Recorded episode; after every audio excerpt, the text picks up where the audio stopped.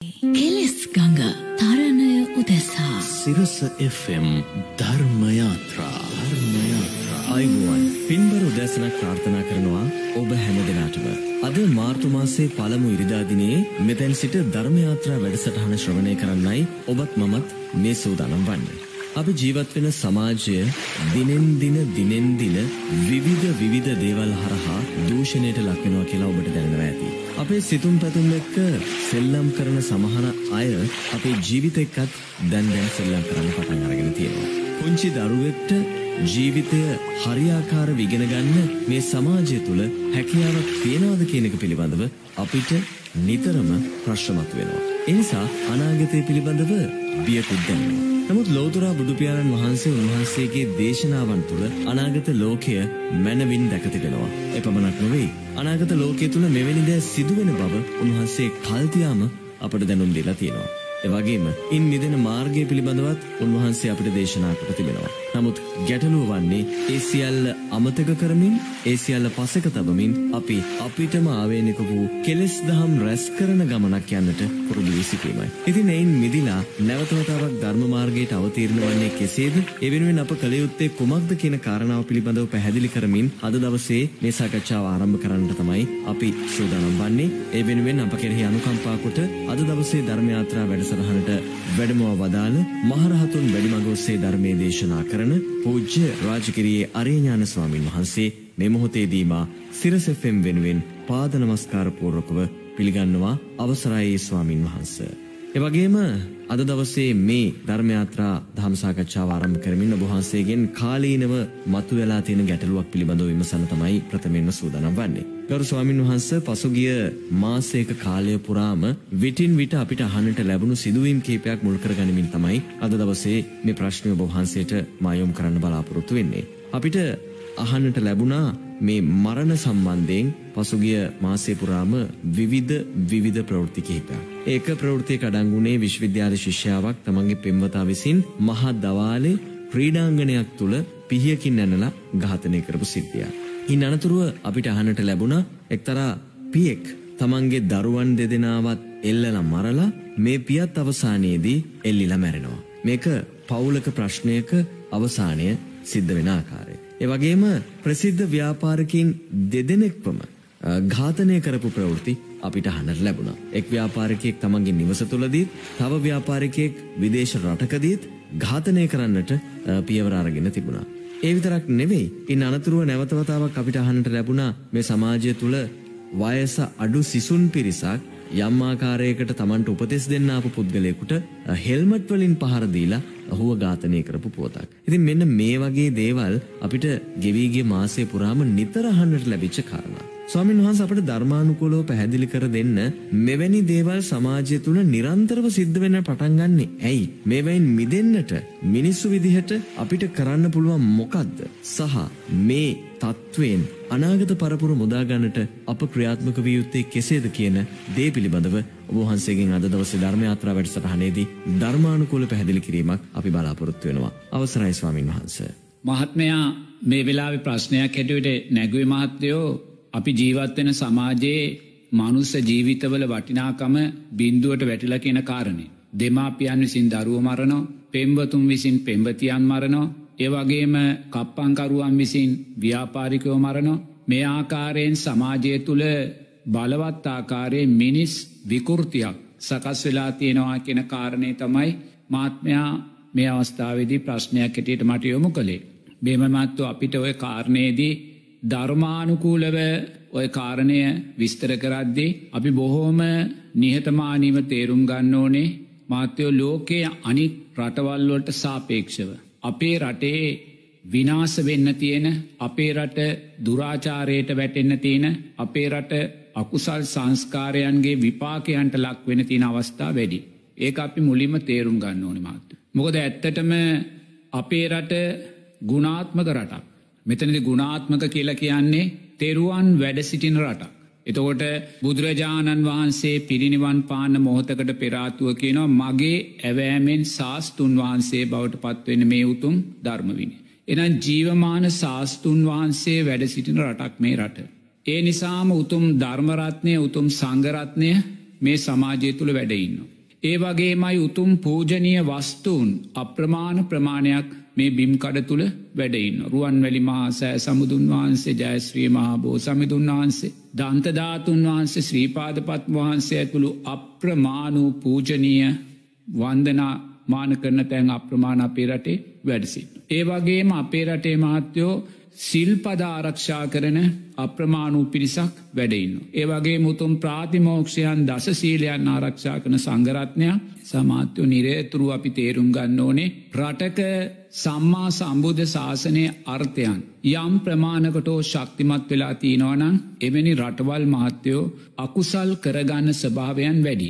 එක හොඳට තේරුම් ගන්න නෑ මොකද බුදුරජන් වහන්සේ මේ නියසිලට ගන්න පස් ප්‍රමාණයයි සද්ධාව ඇතිකරගත් අයි ඉන්නවායි කියලා අපිට දේශනා කළතින්. එනිසා අපි නිරේතුරුව දක්ෂවෙන්න ඕන හිතන්න අපේ සමාජය කෝටි දෙහෙකට වැඩි ජනතාවක් හිටියත් මේකෙන් මහත්තයෝ අපි ලක්ෂ විසි පහක් ගත්තත් ඒගොල්ලො සීලයක් තුළ ශක්තිමත් වෙන පිරිසක්. ධර්මයක් තුළ ශක්තිමත් වෙන පිරිසක්. තේන ධර්මය ගුණාත්මක භාවයන් ජීවිතයට එකතු ගත්තා වූ පිරිසක්. ඒවෙනි පිරිසක් ඉන්න රටක මහත්තයෝ සිදුවෙන්න වූ අකුසල්වල ප්‍රමාණය හුඟක් වැඩි ඒ අපි තේරුම් ගන්නවා. දැ වෙනත් බටහිර රටක් ගත්තොත් වෙනත් රටක් ගත්තොත් ඒ රටවල්වල මාත්‍යයෝ පංච සීලය ආරක්ෂා කරන කෙනෙක් නෑ. තේරනද සම්මාධිට්‍ය අර්ථයන්ට අදාළව කර්මය කර්මඵල විශ්වාසයෙන් නැවත පටිච්ච සමුපන්න උපතක් තියෙනවා කියෙන විශ්වාසයෙන් මට සෝවාන් පලට පත්වවෙන්න පුළුවන් කියෙන විශ්වාසයෙන් දානේ සීලේ ආනිසංස පිළිබඳ විශ්වාසයෙන් පංච සීලය සමාදන් වෙන කෙනෙක් නැහැ. ඉහල තියෙන සීලයන් සමාදන් වෙන කෙනෙක් නැහැ. ඒවගේ තෙරුවන් කියන අර්ථය ඒ රටවල්ලොල නැහැ. ඒවගේම තෙරුවන් මුල්කරගත්ත පූජනීය වන්දනා කරන ස්ථානයන් ඒ රටවල නැහැ. දේවනි අවස්ථාවක මාත්‍යයෝ එවැනි රටවල්වල ජනතාවතින් වෙන්න තියෙන අකුසල්වලට වඩා බලවත් අකුසල් අපේ රටේ ජනතාවතින් සිද්ධ වෙන්න පුළුව. මොකද ඒ රටවල්වල ජනතාව සංඝයාට බයිනවාද සංඝයාට දොස් කියනවාද සිල්වතුන්ට බයිනවාද ඒ මොකක්කොත් කරන්නේ නැහැ. එතොට ඒ රටේ මනුස්සෙක් හොරකමක් කළොත් එයා හොරකං කරන්නේ මිත්‍යා දෘෂ්ටික කෙනෙකුට අයිති දෙයක්. සම්මාධිට්ටිට ආපු කෙනෙක්ගේ නෙමේ. ඒ රටේ කෙනෙක් මංකොල්ලයක් කෑවොත් එයා මංකොල්ල කන්නේ මහත්වෝ මිත්‍යා දෘෂ්ටික කෙනෙක්ගේ දෙයක් සම්මාධිට්්‍යයට පත්වෙච්ච කෙනෙ චේතනාන්විතව සිල්පද පාක්ව සමාධන් වෙච්ච කෙනෙක් නෙමේ. ඒ රටේ කෙනෙක් මනුස්්‍ය ඝාතනයක් කළොත් ඝාතනය වෙච්ච මනුස්්‍යයා සිල්පද පහ ගැන දන්න කෙනෙ නෙමේ කර්මය කර්මපල විශ්වාසයක් දන්න කෙනෙ මැරිලා නැවත උපදිනවායි කියලා දන්න කෙනෙ නෙමේ. නමුත් මහත්තයෝ ඒ රටේ කෙනෙක් ජනතාවගේ මුදල් හොරකංකලොත් තේන එහෙමත්තිනන්නේ දේශපාලක් නායකෙක් ඇමති කෙනෙක් මන්ත්‍රී කෙනෙක් ඒ රටවල්ලොල ජනතාවගේ මුදල් හොරකංකොලොත් එමනැතම් බාණ්ඩාගාරය මුදල් හොරකංකොලොත් මාත්‍යයෝ ඒ බාණ්ඩාගාරයට මුදල් ගෙවන කිසිම කෙනෙක්වත් සම්මාධිට්්‍යයට පත්වෙලා නැහැ. එකොල කර්මය කර්මපල විශ්වාසය හඳුන නැති පිරිසත් තමයි ඒ රටේ බාණ්ඩාගාරයට බඳ මුදල් එනිසාමාත්තු ඒ රටවල්ලොල යම් වරදක් සිද්ධ වනත් ඒවැයි විපාකයන්ගේ ශක්තිය හුඟක් අඩුයි. එතුට ඊට වඩා වෙනස් අපේ රට. ඊට වඩා වෙනස් කියන්න මේ රටේ තෙරුවන් සරණගේ පිරිසක් ඉන්නවා පන්සිල් රකින පිරිසක් ඉන්නවා අටසිල් රකින පිරිසක් ඉන්නවා පසලොස්සක පෝයදාට උපෝසල සීලයන්ට යන පිරිසක් ඉන්නවා. ඒ වගේම ගුණපුරණ මහා සංගරත්නය ඉන්න උපසම්පදා භික්ෂූන් වහන්සේලා ඉන්න උපසම්පදා භික්ෂෝකට විනය කාරණා දෙසිය විස්සා තියෙනවා. එනමතු එකම සිල්පදවක්වත් නොදන්න බාහිර ලෝකයත් එක්ක ගනිදි සිල්පද දෙසිය විස්ස කාරක්ෂාව කියන එසේ මෙසේ දෙයක්ද? එසේ මෙසේ දෙයක්ද. නවත් බටහිර ලෝකයා එක සිල්පදයක්වත් දන්නේ නැහැ. බටහිර ලෝකයා එක සිල්පදයක් නොදන්නාකොට අපේ මහා සංගරත්නය උපසම්පදා භික්ෂුව සිල්පද දෙසිය විස්සක් ආරක්ෂාක. අපිකම දුසීලෙන් දුරුවල ස්වාමීන් වහන්සේලා ඉන්නවා. නමුත් උන්වහන්සේලා වනත් අපි කියම සිල්පද සීයක් ආරක්ෂා නො එක සිවිස්සක් බිඳෙන්න්න පුළුවන්. එනමත්ව එක සිල්පදයක්වත් ආරක්ෂා කරන්න ඇති ලෝකයක් ඉදිරියේ ඒ නොබිදුුණු සිල්පද සීය කියන්න අයෝමය බලයක්. ඒවගේ සාමනේල සීලය රකින පිරිසක්කින්න. ඒවගේ මයි මහත්ව අපේ රටවල්ලොල මනුස්සෙක් තව මනුස්සෙකුට පාරක් ගැහුවොත් ඔස්ටේලියාවේ මනුස්සෙක් ඒරටේ කෙනෙකුට පාරක් ගානට වඩා බලවත් අකුසල් වැඩි තේන මොකුද මේ මනුසය ගුණාත්මක කෙනෙක්. අපේ කෙනෙක් කෙනෙක් ගෙදයක් මංකොල්ල කෑවොත් සමාරවිට එයා මහත්තව පන්සිල් රකින කෙනෙක් වෙන්න පුළුවන්. ඒ අසාධාන්ට ලක්වුණ කෙනා. තේ නටසිල් රකින කෙනෙක් වෙන්න පුළුවන්. එනම් ඒ මංකොල්ල කාපු කෙනාට ලැබෙන්න්න විපාකයන් බලවත් වැඩි. තු බලන දැන් අපේ රට සංවර්ධනය අතින් ආර්ථිකය අතින් බින්දුවටම වැටලතින් රට. බින්දුවට වැටුනේ ඇයි ජනතාවගේ මුදල් සොරකම් කිරීම මංකොල්ල කෑම නිසාමයි. එතුරේ සොරකම් කළේ මංකොල්ල කෑවේ කාගේ මුදල්ද. මහා සංගරත්නය බදු හැටියට දෙන උත මොකද මහා සංගරත්නයක් බාණ්ඩාගාරයට බදු දෙනවා. ලයිට් බිල ගෙවද්දි දුරකතන බිල ගෙවද්දි ටෙලිෆෝන් බිල ගෙවද්දි බඩු වෙනවා. කෙනෙක් මට ඇවිල්ල අෂ්ට පරිස්කාර පිකර පූජා කරනකොට මාත්‍ය ඕකෙන් ආණ්ඩුවට කොච්චර බදු යනවද. අද අට පිටිකර සමාරලාට දාදායි පාලොස් දායි විසි පන්දායි. වෙන අපිට පිරිකර පූජා කරන මොහොතක් පාසා මේ රටේ සමස්ත සංග සමාජයට සිව්පසය උදෙසා. ජනතාව දවසට වියදන් කරන මුදලින් කොච්චරනම් බාණ්ඩාගාරයට බද මුදල් යනවද. එහෙම අධ්‍ය මහත්තයෝ යමෙක් මේ මුදල් සොරකම් කරනවා නම් වංචා කරනවා නම් මහත්තයෝ ඒ අය අනිවාරය මුමුතු භාවට පත්වෙනවා. පන්සිල් රකින අය බදු මුදල් දෙනවා. ඒවගේ අන්‍ය ආගම්මොල ඉන්න ගුණාත්මක පින්වතුල්ලායින්න. ඒ අය බාණ්ඩාගාරයට බද මුදල් ඉතුර මාත්‍යව අනිවාර්යෙන්ම අපේ රට අනිත් රටවල්ලොට සාපේක්ෂව පිරිහීමේ වේගේ වැඩි. අන්න ඒ නිසා තමයි ලෝතුරා බුදුරජාණන් වහන්සේ නිරේතුරුවම අපිට දේශනා කරන්න මහත්තයෝ මේ ශාසනය ආරක්ෂාව දෙසා. ශක්තිමත් රජ කෙනෙක් අත්‍යවශ්‍යයි කියන කාරණය. දැන් බුදුරජාන් වහන්සේ නිරේතුරුවම අජාර් සත්ත රජතුමාට කොසල් රජතුමාට බිම්බිසාර රජතුමාට නිරේතුරුව මාත්‍යයෝ ධර්මයෙන් අනුශාසනා කළා. නිරේතුරුවම ඒවයි දානමානොල්ට වැඩිය ඒ අයට උපකාර කලා ඒ අය හොයාගෙන ආරාමොල්ට ආපුහා මේකුලන්ට ධර්මසාකච්ඡාවෙන් උපකාර කලා ඒ විතරක් නෙමේ රජවරුන්ගේ අන්තපපුරවලට ගිහිල්ල ධර්ම දේශනා කිරීම පවා ආනන්ද සාමීන් වහන්සට පවරලා තිබ්බ. ඇයි. රජවරු ධර්මයෙන් ගුණාත්මක භාවයට පත් කරන්න. රජවුන් තුළ ඉන්ද්‍රිය සංවරභාවය ඇති කරන්න. රජවුන් තුළ කරුණාව මෛත්‍රී ඇති කරන්න. ඒවා තුළින් නිරතුරුවම ශාසනය ශක්තිය ශක්තිමත් භාවයට ඉනිසාමාත්‍යයෝ. අපි මේ යන සමාජය ධර්මයෙන් පෝෂණය වෙච්ච සමාජයක් ශාසනාර්ථයන් බැසගත්ත සමාජයක් මේ ශාසනාර්ථය බැසගත්ත සමාජය තුළ කෙනෙකුට අවශ්‍යනං උතුම් සෝවාන් පලේ සාක්ෂාත් කරගන්න පුළුව. ආත්ම භාව හතකින් ලෝකෙන් නිවිලයන්න පුළුව. මිත්‍යා දෘෂ්ටික භාවයට පත්වන මනුස්්‍යයෝ කල්ප කෝටි ගානක් තව මැරිමැරී පටිච්ච සමුපන්න දුක්විඳින්න අද්දී මේ උතුම් සම්මා සම්බුද්ධ ස්ථාසනය ස්ථානගත වෙච්ච රටේ අවශ්‍යනන් ජනතාවට ආත්ම භාව හතක් තුළ උතුම් නිර්වාණය සාක්ෂාත් කරන්න පුළුවන්. අවශ්‍යනන් සකුරුදාගාමී කෙනෙකුට ආත්ම භාව දෙකකින් උතුම් නිර්වාණාවබෝධය සාක්ෂාත් කරන්න පුළුවන්. අවශ්‍යනං අනාගාමී උත්තමයකුට එකාත්ම භාවකින් ඊළඟාත්ම භාවදිම නිවන්න අවබෝධ කරන්න අවශ්‍යනං උතුම් රහත් පලයට පත් වෙලා මේ ජීවිතේදීම නිවන්න අවබෝධ කරන්න පුළුව. අවශ්‍යනං උතුම් ධර්මානුකූලව ජීවත් වෙලා කෙනෙට්ට ශස්ත්‍රීක දිව්‍යතලයක ශස්ත්‍රීක දෙවියෙක් දිව්‍යාංගනාවක් බවට පත්වෙන්න මහත්ව මේ උතුම් සම්පත් ලෝකයේ වෙන කෙනෙකුට නැහැ ඔය බුරුමේ තායිලන්තේ වගේ රටොල්ල ඇඩනුකොට වෙන කෙනෙකුට මේ සම්පත් නැහැ. එනි සාමාත්‍යයෝ මේ සම්පත් ආරක්ෂා වෙලා තින මේ උතුම් රට මේ සම්පත් ආරක්ෂා කරගන්නවා වගේ මේ ලෝකෝත්තර සම්පත් ආරක්ෂා කරනවා වගේම ලෞකික සම්පතුත් අපිට ආරක්ෂා කරලා දෙනවා. මොන ලෞකික සම්පත් කියන්නේ. අපි සීලයෙන් ලබන ලෞකික සම්පතමොකක්ද. අපේ ජනප්‍රිය භාවී ඉහලට යන. අපේ බවබෝග සම්පත් ආරක්ෂා වෙන. අපි ඕනෑම අභියෝගෙට නොබියෝ මුහුණ දෙනවා. සිහිමුලා නොවී මැරෙනවා සුගතියේ මත මේ අර්ථයන් දන්න බෞද්ධෙක් පම නයි. තොට දානය ආනිසංසමනවාද. වර්ණය සැපේ බලය අපිට ලැබෙන. මෛත්‍රී ආනිසංස මොනවාද. සුවසේ ඇහැරෙනවා සුවසේ ඉන්දයනවා දෙවියන්ට මනුස්සෙන්ට මේ වගේ ආනිසන්සේ කොළහක් බුදුරන් වන්සේ මෛත්‍රියට අදාළ එනමාතු මේ උතුම් සම්මා සම්බුද්ධ ශාසනය උපයෝගී කරගෙන අපිට මේ ලෞකික ලෝකෝත්තර කියන මේ දෙයාකාරයේ සැපයන් සහ නිරෝධයන් අපිට සාක්ෂාත් කරගන්න පුළුව. නමුත් මාත්තෝ එවැනි දෙයක් අපි ජීවිතයෙන් ලබා ගන්න නං අනිවාර්යෙන්ම මාත්‍යයෝ මේ ශාසන අර්ථයන්ට ගරු කරන නායකත්වයක් රට තුළ තියෙන්නේ එක හොඳර තේරුම් ගන්නුනේ එක හොඳර තේරුම්. සම්මා දිට්්‍යයට පත්වෙච්ච නායකෙක් සිටිය යුතුයි සම්මා සම්බුද්ධ ශාසනයක් ආරක්ෂා වෙන්. හරි සම්මා දිට්්‍යයට පත්න වූ නායකෙක් නම් ඒ නායකයා තුළින් සමස්ත ශාසනයක් දුර්වල වෙනවා වගේම සමස්ත ජනතාවත් අකුස්සලේන්ම වියරුවට පත්වෙන.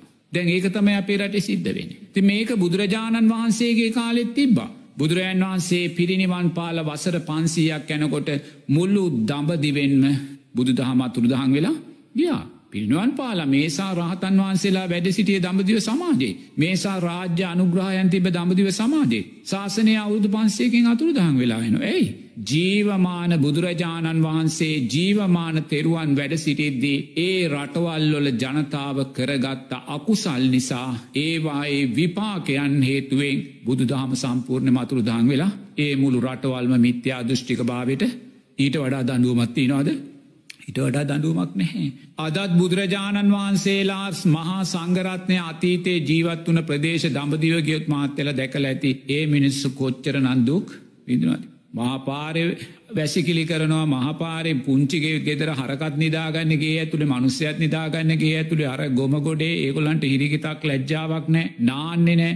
කුණු වතුර නෑවත්නාන්නේ බොන්න කුණු වතුර. ඒවා පිළිබඳ ඒගොලන්ට පුංචියෝ අපුලක්. ඇයි පෙර සංඝයාට කලා වූ චෝදනා විවේචනසා කලා වූ පීඩා මදිපුංචි අදේ විපාකයන්නේ ගොල්ලො ඒමත්ව ශාසන අර්ථයන් ලෝකයේ කොහෙ තිබ්බත් ඒ ශාසන අර්ථයන් තුළින් කෙනෙකුට අවශ්‍යනම් පුළුවන් බව නිරෝධයට යන්න කෙනෙකුට අවශ්‍යනම් පුළුවන් ලෞකික සැපේ ඉහලටම යන්න ලෝකෝත්තර සැපේ ඉහලටම යන්න ඒ වගේ මයි මාත්‍යයෝ ඒ ධර්මය සැබෑ ලෙස කළමනා කරණය නොකරගත්තොත්. ඒ ඇන සැබෑ නායකත්වයක් තුළින් ධර්මය කළමනා කරණය කරනැගත්තොත් මහත්‍යයෝ ඒ තරං විනාසයක් ඒ සමාජර සිද්ධ වෙන්නේ නැහැ ඒක හොඳට තේරුම් ගන්නවා. ඒ විනාසේ තමයි අපිට මේ දැන් සිද්ධ වෙන. මේ රට මහත්‍යයෝ මේ ලෝකධාත්තුවේ තින උතුම්ම රට යායිමතේ පිළිබඳ කවුරු නෑකිවොත් මනන් කියන්න ලැජ්ජ වෙන්නේ නෑ මේ තරන් ශේෂ රටක් මේ ලෝකධාත්වේ නැහැ. මොකද අපිට කොයි විදේශයක රට ගිහිල්ල කවරුවරයාවත් කියන්නේ අනේ ස්වාමින්වහන්ස මේ වගේ රටක් නම් ලෝකේ නෑ.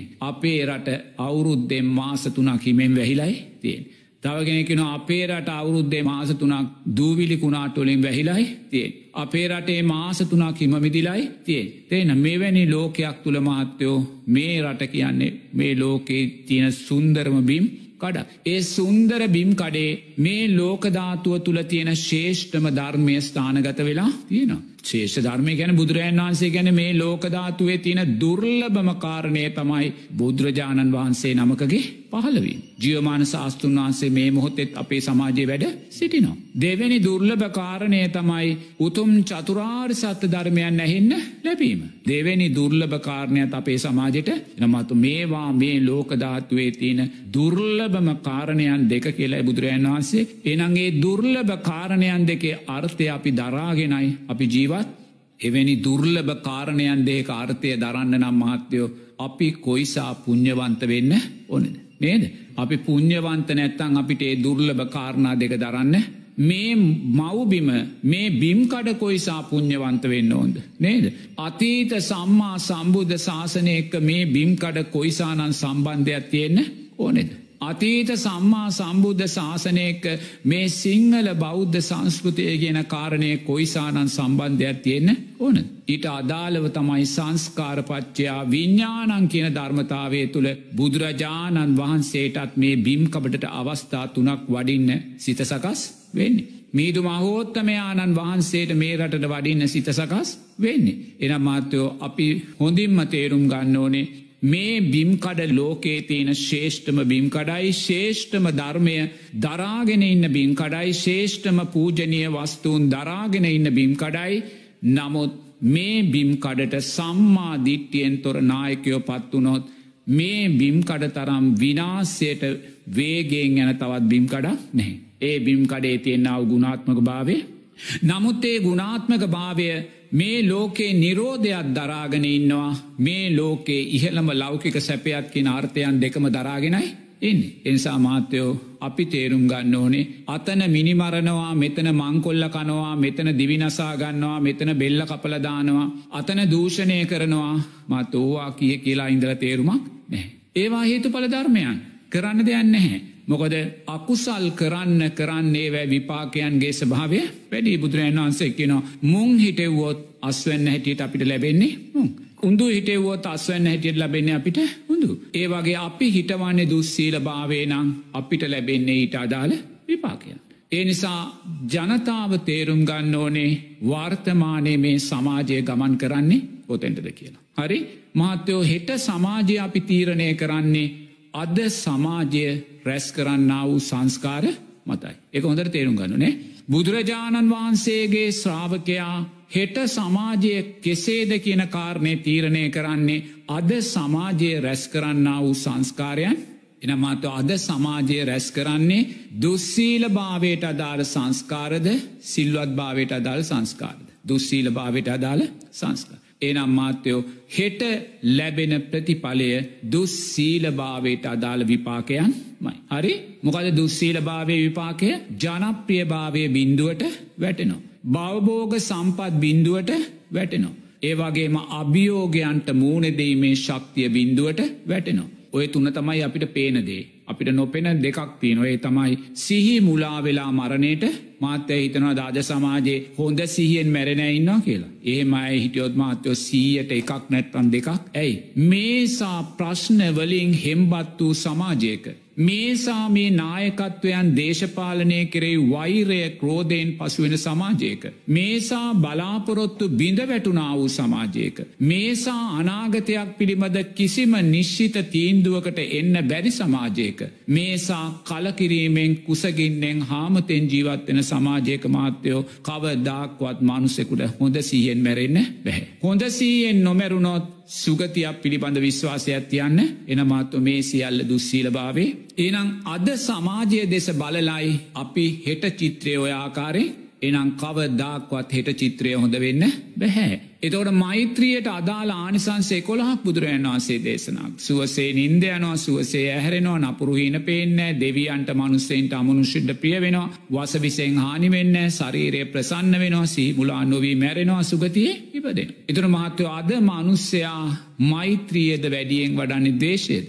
ගැටෙන සිතෙන් තමයි මනුස්සයා ජීවත් මොකද ඉහන් එහා විකල්පයක් නැහැ ඒගොල්ලන්ට. මොකද ඒගොල්ලො බලාපොරොත්තු කඩවෙනකොට ඒගොල්ලන්ගේ වැටුපට වැඩිපුර බදුගහනකොට ඒගොල ලැබෙන වැටුපෙන් ජීවත්වෙන බැරිබෙනකොට මාත්‍යයෝ මෛත්‍රියත් ජීවිතයට එකතු ගන්න සමාජයේ දක්ෂ නැහැ. මේවා හේතු පල ධර්මයන්ට අදාලව ගල්පගන්න දක්ෂ නැහැ. මේවා අපි සියල්ලගම අකුසල් සංස්කාර කියලා ගල්පගන්න දක්ෂ. ඒ නිසාම සමාජයේ බලවත්තාකාරයෙන් දේශය දිසාවට ගමන්ක. එන මාත්‍යයෝ අපි අදින් පස්සේ බිහිවෙන ලෝකය යහපත් ලෝකයක් කියලා හිතනවානං ඒක සිද්ධ වෙයිද? ඒක සිද්ධ වෙන්න හැ. අපේ රටේ රාජ්‍යනායකතුමා කිව්වොත් ඊළඟ වසර සංවර්ධනය වසරක් කියලා. ඊළඟ වසර සෞභාග්‍ය වසරක් කියලා කිවෝ එම නැත්තන් රටේ මුදල් ඇමතිතුමා නැකිටල කිවොත් ඊළඟ වසර සියලු යස ඉසුරෙන් පිරි වසරක් කිවොත් එම නැත්තන් රටේ මහ බැංකුව අධිපතිතුමා කිවොත් ඊළඟ වසර සුභම සුභ වසරක් වෙනවා කියලා. මාත්‍ය මම නං එක දසමයක්වත් ඔය එකම කතාවක්වත් විශවාස කරන්නේ. මොකොද අපි ලෝකය දකින්නේ. බුදුරජාණන් වහන්සේ අපිව ලෝකය දකින්න කිව්වේ අධර්මයෙන් මතුවෙන සිතුවිඩි මත. නෙමේ. එහම නැත්තං ආර්ථික විද්‍යාවෙන් මතු කල්ල දෙන සිතු විඩි මත බුදුරජන් වහන්සේ අපිට ලෝකයේ දකින්නකිවේ අද සංස්කාරයන්ට අදාළවයි හිට ලෝකය නමත අද වැඩෙන්නේ දුස්සීල භාවයට අදාළ සංස්කාරණං අද ලැබෙන්නේ දේශයට වෛරයට ක්‍රෝධයට අදාළ සංස්කාරණං අද වැඩෙන්නේ මෝහයට අදාළ සංස්කාරණං කවුරු ඔළුවෙන් හිටගෙන කිව්වත් ඊළඟ වසර සෞභාග්‍යයේ වසරක් කියලා මම කියනවා නැහැ කියලා. ඒක ධර්මානුකුල වෙන්න බැහැ. නමුත් යම් පාලකෙක් අද ඉදිරිපත් වෙලා කිව්වොත් මම ආජීව අට්ටමක සීලය අද ඉඳන් දිවිහිමියෙන් රකිනවා. මගේ ඇමති මණ්ඩලයත් අද ඉඳං ආජීව අට්ටමක සීලය දිවිහිමියෙන් රකින්න ඕනි. මගේ මන්ත්‍රී මණ්ඩලයත් ආජීව අට්ටමක සීලය දිවිහිමියෙන් රකින්න ඕනි. මගේ නිලධාරීන් සියලු දෙනා පංච සීලය තුළ ජීවත්වෙන්න උන්න මහත්වයා අවංක චේතනාවෙන් එවැනි සිංහනාදයක් කරනවා. එයා සිංහනාදයක් කරනවා අදින් පස්සේ මේ රටේ යමෙක් සොරකම් කරයිද ඒ අයට දෙන්න තියෙන උපරිම දඩුවම අපි නීතියානුකූලව දෙනවා අවංකව කියන්නේ.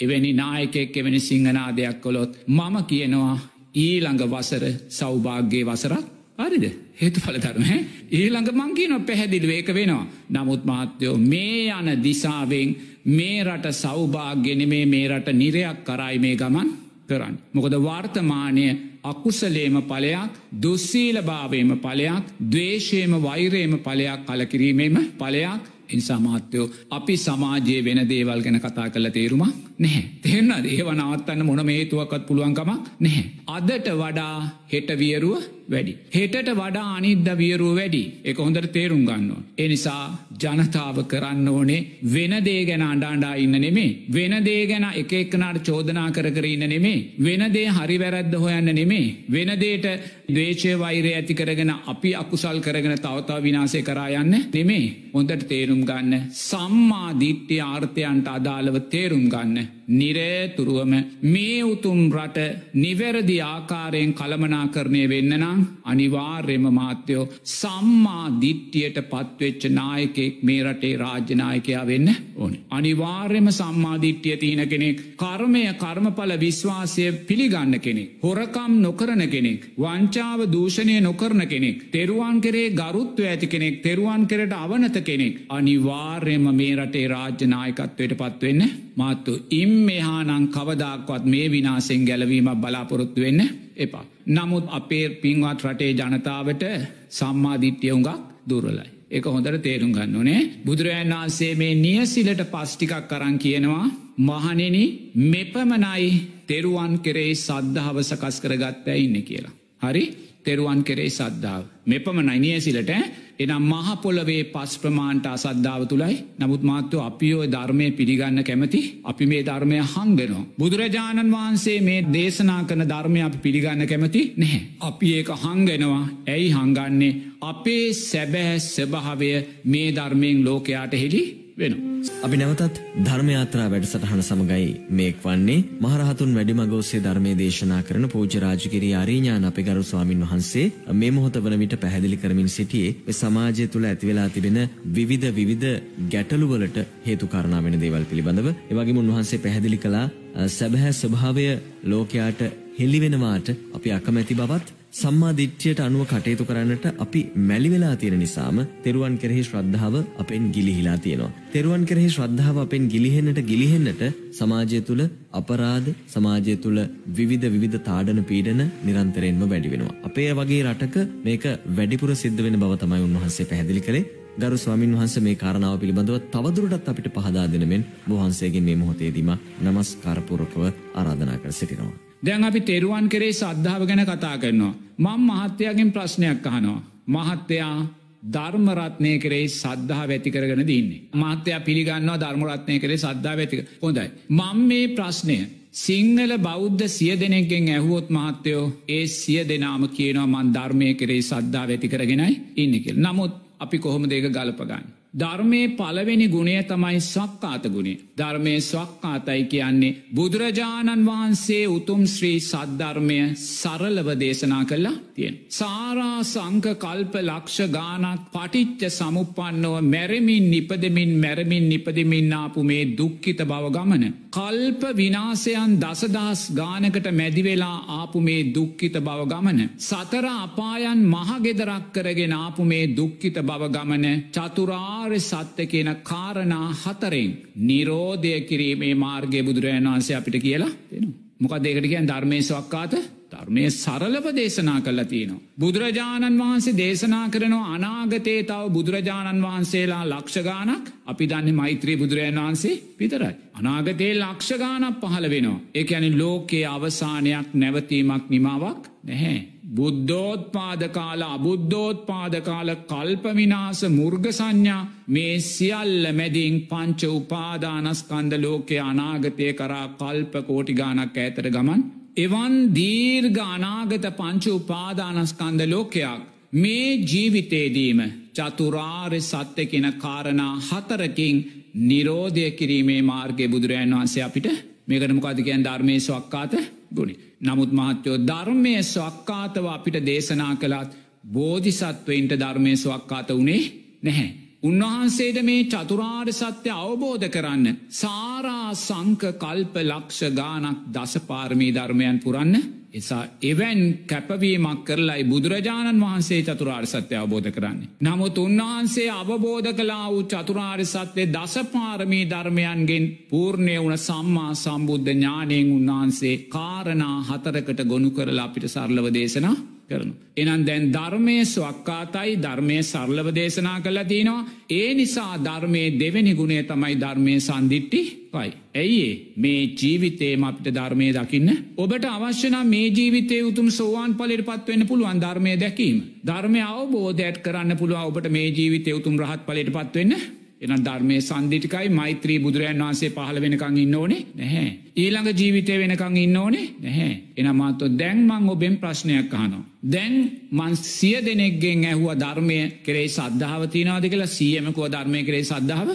නමුත් දැම්මං ඔන්න ඔබට තේරුම් ගන්න ඔබ ධර්මය කරේ සද්ධාවතිනවාද කියලා ඔබ තාම හිතනවානං මට මේ ජීවිතය උතුම් සෝවාන් පලට පත්වෙන්න බෑ කියලා ඔබ ධර්මය සන්දිිට්ටික ගුණේ පිළිගන්නේ නැහැ. ධර්මය සන්දිිට්ටික ගුණේ පිළිගන්නේ නැත්තේ ඇයි ධර්මය ස්වක්කාත ගුණේ ඔබ තාම පිළිගන්නේ නැහැ. එනන් ධර්මය කරේ සද්ධාව තිබ්බද. ධර්මය ස්වක්කාත ගුණයක් ධර්මය සන්දිිට්ටික ගුණයක් ඔබ තාම පිළිගන්න නැත්තං. බුදුරජාණන් වහන්සේ කරේ සද්ධාව පිළිබඳ තාම කතා කළ තේරුම අන්න උපමාව.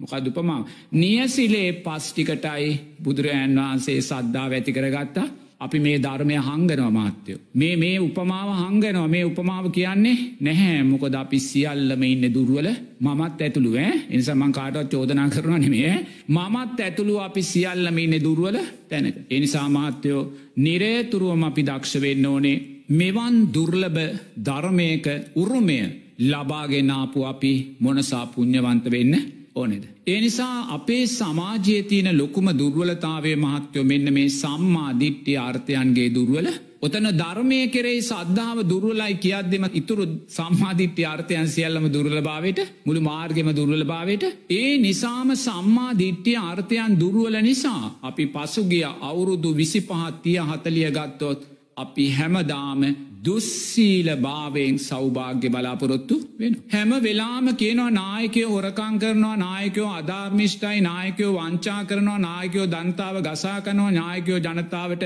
සේවය කරන්නේ එහෙම කියල මහත්තයෝ ඒ නායකයෝම නැවත නැවත මොකක් දෙ කරන්නේ දුස්සීල භාවයෙන් සෞභාග්‍ය ඔයනවා. මූුණු මාරු කර කර මූුණු මාරු කර කර සෞභාග්‍ය ඔයනවා. චන්දෙන් චන්දේ පක්ෂ මාරු කර කර පක්ෂ මාරු කර කර සෞභාග්‍ය ලැබෙයිද ලැබෙන්නේ. ඇයි ජනතාවගේ සම්මාධිට්්‍යය බුදුරජාණන් වහන්සේ සම්මාධිට්්‍යයේදි බොහොම පැහැදිලිව දේශනා කරනවා සීලේ අර්ථයන්ගේ. යම් තැනක දුස්සීලභාවය තියෙනවා නම් එතන ජනප්‍රියභාවයක් බලාපොරොත්තු වෙන්න එපා. කවදාක්වත් ජනතාවත් ලෝක ඉදිරියේ ජනප්‍රිය වෙලා නැගේ හිටින්නේ කවදාක්වත් රට ලෝකයේ ඉදිරියේ ජනප්‍රිය වෙලා නැගිටින්නේ නැහැ. දෙක බුදුරජාන් වහන්සේ කියනවා දුස්සීල භාවය යම් තැනක තියෙනවනම් අභියෝගවලට මූුණදීමේ කිසිම ශක්තියක් නැහැ. අද අපේ රට අභියෝගලට මුණ දෙන්න පුළුවන්. ඉන්දියාවත් බය කරනවා චීනෙත් බය කරනවා රුසියාවත් බය කරන ඇමරිකාවත් බය කරනවා තියෙන ඕම ගියාමර බංගලි දේශෙත් ළඟදී අපිය බය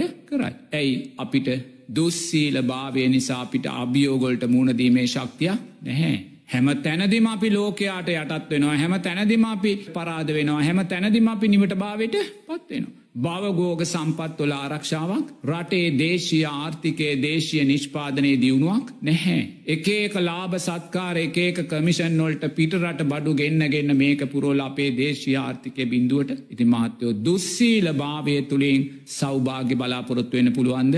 නමුත් අවුරුදු තියක හතලියකි දං අපේ පින්වත් ජනතාව දුස්සීල භාවයෙන්නේද සෞභාග්‍ය බලාපොරොත්තු වෙන්නේ ඒක කවදක්වා සිද්ධ වෙන්නේ නැහැ. එනිසා මාත්‍යයෝ තවදුරටත්. ජනතාව සම්මාධිට්්‍යය දුර්ුවල දිසාවටමයි ගමන් කරන්නේ ඒ නිසා තවදුරටත් මහත්තයෝ පක්ෂ වෙනස් කිරීමෙන් මුහුණු වෙනස් කිරීමෙන්මයි හෙට දවසෙත් ජනතාව නායකින් පත් කර ජනතාවට දොස් කියන්න අපිට බැහැ ඒ ජනතාවගේ සම්මාධිට්්‍යයේ දුර්වල භාවේ එච්චරයි.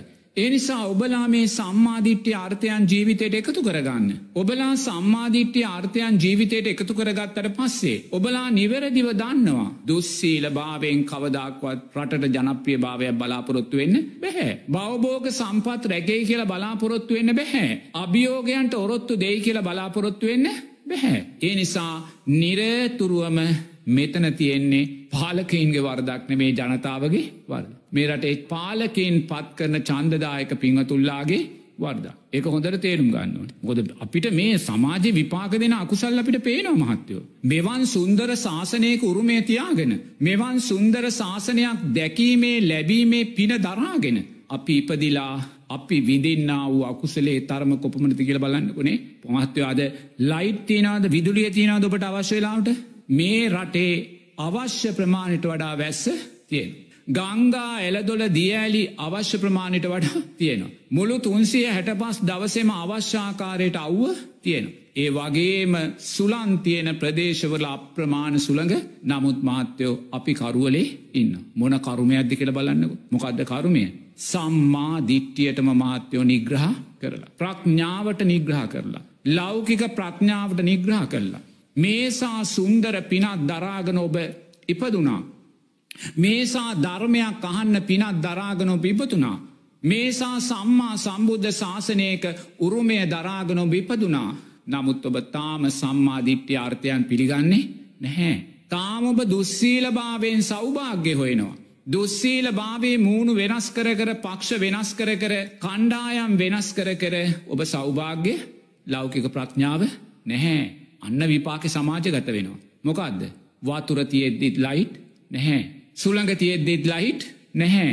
මේසා හිරුවෙලිය තියෙද්දිත් විදුලිය නැහැ. ඇයි ලෞකික ප්‍රඥාවට අපි කරන්න වූ නිග්‍රහයන් නිසා. ඒක හොඳර තේරුම් ගන්න ඒක දිට්ට දම්ම වේදිනී විපාක තියෙනවා.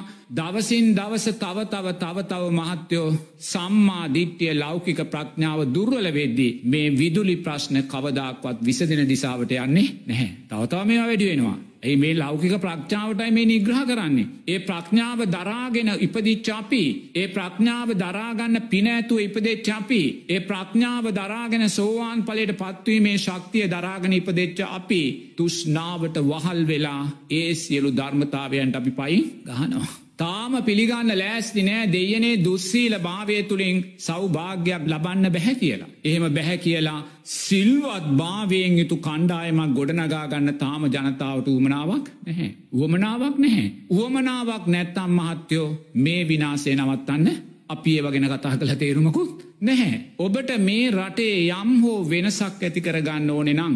ඔබට මේ ගලාගෙන යන විනාසේ යම් හෝ යහපතක් මතු කරගන්න ඕනෙ නං. ඔබට යනි මේ රට ජනප්‍රියභාවයට ඔසවා තබන්න ඕනෙ නං. ඔබට මේ රටේ බවබෝග සම්පත් ආරක්ෂා කළ මේ රටේ දේශී ආර්ථිකය ශක්තිමත් කරන්න ඕනෙ නං. ඔබට මේ ජාතියන්තරයෙන්ගෙන අසප්පුරුෂ අභියෝගයන්ට මූුණ දෙන්න අවශ්‍යනං. ඔබ කරන්න ඕනේ සිල්වත් පිරිසක් ඔබේ පාලකින් බවට පත් කර ගැනීම අන සම්මාධිටිය. එනිසා ඔබ කැපවෙන්න ඕනේ ඔබ වෙහෙසෙන් ඕනේ ඔබ උනන්දු වෙන්න ඕනේ දුසිල්වත් භාවය තුළින් තවතව සමාජයට සෞභාග්‍යසයන්න නෙමේ ඒක වෙන්නේ නෑ ඒකර හිල්වෙච්ච කලයකට වතුර පුරෝණවාගේ වැඩක් සම්මාධිට්්‍යයට අදාළව. ඒ නිසා ඔබ දක්ෂ වෙන්න ඕනේ සමාජය තුළින් සිල්වත් පිරිසක් මතු කරගෙන. ඒ සිල්වත් පිරිස තුළින් සමාජ පාලනයට අදාළ ධර්මතාවයන් යම් පමණකට හෝ ඇති කර ගන්න. එතෝට කෙනෙක් මගෙන් ප්‍රශ්නයක් අහන්න පුළුවන්. මහත්තයෝ සිල්වත් භාවය තුළින් පමණක් මෙවන් සමාජයක් යහපත කරාරං යන්න මුද අපේ සමාජය සුවිශේෂී සමාජයක්. සුවිශේෂී සමාජයක් කියන්නේ ජීවමාන ධර්මවිනේ නැති ශාස්තුන් වහන්සේ ජීවත් වෙන සමාජයක්. මේසා සුන්දර ධර්මය අර්ථයන් පූජනී අර්ථයන් ජීවත්වෙන සමාජයක්. ප්‍රාතිමෝක්ෂ සීලය දරාගත් උපසම්පදා භික්‍ෂූන් වහන්සේලා දසදහස් ගානක් ජීවත්වෙන සමාජයක්. සාමනේර සීලයන් දරාගත්ත දසදහස් ගානක් සාමනේරල ජීවත්වෙන සමාජයක්. ඒ වගේම පසලොස්සක පෝයදාට උතුම් උපෝසට සීලයන් දරාගත්ත ලක්ෂගානක් ජීවත්වෙන සමාජයක් තේන්න. එ සමාත්‍යයෝ මෙවැනි සමාජයක් සිල්වත් භාවයෙන් විතරක් අපිට ඉස්රාට අරංයන්න බැහැ. කොට මේ සමාජයේ ජීවත්වෙන අපි හැමෝගෙම එක යුතුකමක් තියෙනවා. එක වගකීමක් තියෙනවා. ඒ යුතුකම වගකීම තමයි මේ ලෝක ධාතුවේ ශේෂ්ඨම ධර්මය අපි දරාගෙන ඉන්නවා. මොකදද මේ උතුම් බුදු දහම. මේ උතුම් සද්ධර්මය මේ උතුම් සංඝයා කියන අර්ථය. එනිසා අපි දක්ෂ වෙන්න ඕනේ සීලයෙන් ශක්තිමත් භාවයෙන් විතරක් අපිට මේ කාරණය නැගී හිටින්න සද්ධාවත් තියෙන්න ඕනේ හොදර තේරුම් ගන්න ඕනේ මේ දෙකම එකතු වෙන්න ඕනේ මේ රාජ්‍ය නැවත ගොඩ නැගෙන්න්නෙන. මේ රාජ්‍ය මේ ලෝකේම තියෙන පූර්වා දර්ශී රාජ්‍ය බවට පත්වෙන්න්නනා. මේ රාජ්‍ය මේ ලෝකෙටම සීලය දානය මෛත්‍රිය සමාධිය බෙදා දෙන රාජ්‍ය බවට පත්වෙන්න ඕන්න. මොකද මේ රාජ්‍ය තුළනුයි දඹදිව කඩා වැටෙද්දී. බුදුරජාණන් වහන්සේගේ ඇවෑමෙන් පන්සියවෙනි වසර ගියාට පසේ දඹදිව ශාසනය බිඳ වැටෙද්දී. මාත්‍යයෝ ලෝකයට දානය පරිත්‍යාග කළේ ඔබේ බිම් කඩයි. ලෝකයට සීලය පරිත්‍යාග කළේ ඔබේ බිම් කඩයි. ලෝකයට මෛත්‍රිය කියලා දුන්න ඔබේ බිම් කඩයි. ලෝකයට සාමය කියල දුන්නේ ඔබේ සමාධිමත් හිතයි. එනම් ඒ තැන අපි හෙට දවස නැවත වගා කරගන්නන. මාත්‍යයෝ සීලයෙන් විතරක් ශක්තිමත් නායකයෝ බිහි වෙලා වැඩ. ඔබ කියන්න පුළුවන් අහවලා හොරකං කරන්නේ නැහැ කියලා. මම කියනවා හොරකං නොකිරීම විතරක් මේ රටේ නායකත්වයකට සුදුසුකම් ලබන්නේ හොරකන් නොකරන කෙනා තුළ සද්ධාව තියෙන්න්නත් ඕන එක හොඳට තේරුම්ගන්න. හොරකං නොකරන කෙනා තුළ සද්ධාව තියෙන්න්නත් ඕනේ හොරකන් නොකරන කෙනෙක් සද්ධාව නැති කෙනෙක් සද්ධාව නැහැ නමුත්තයා හොරකං කරන්නේ නැහැ. එහෙම කෙනෙක් හොරකන් නොකරන පිරිසක්කාවොත් ඔවුන් මුලින්ම හොර කරන්නේ සද්ධාව කියන කාරණය තේරුම් ගන්න මංකිනද හයිමත්මන් නැවතේ කියනව. මේ සමාජය ගොඩනැගෙන්න්න නං සීලය අත්‍යවශ්‍යයි. නමුත් සීලයෙන් විතරක් මේ උතුම් සමාජය ගොඩනැගෙන්නේ නැහැ මේක ලෝකේ දුර්ලබම ධර්මය දරාගත්ත රට. මේක ලෝකේ දුර්ලබම ශාස්තුන් වහන්සේ දරාගත්ත රට.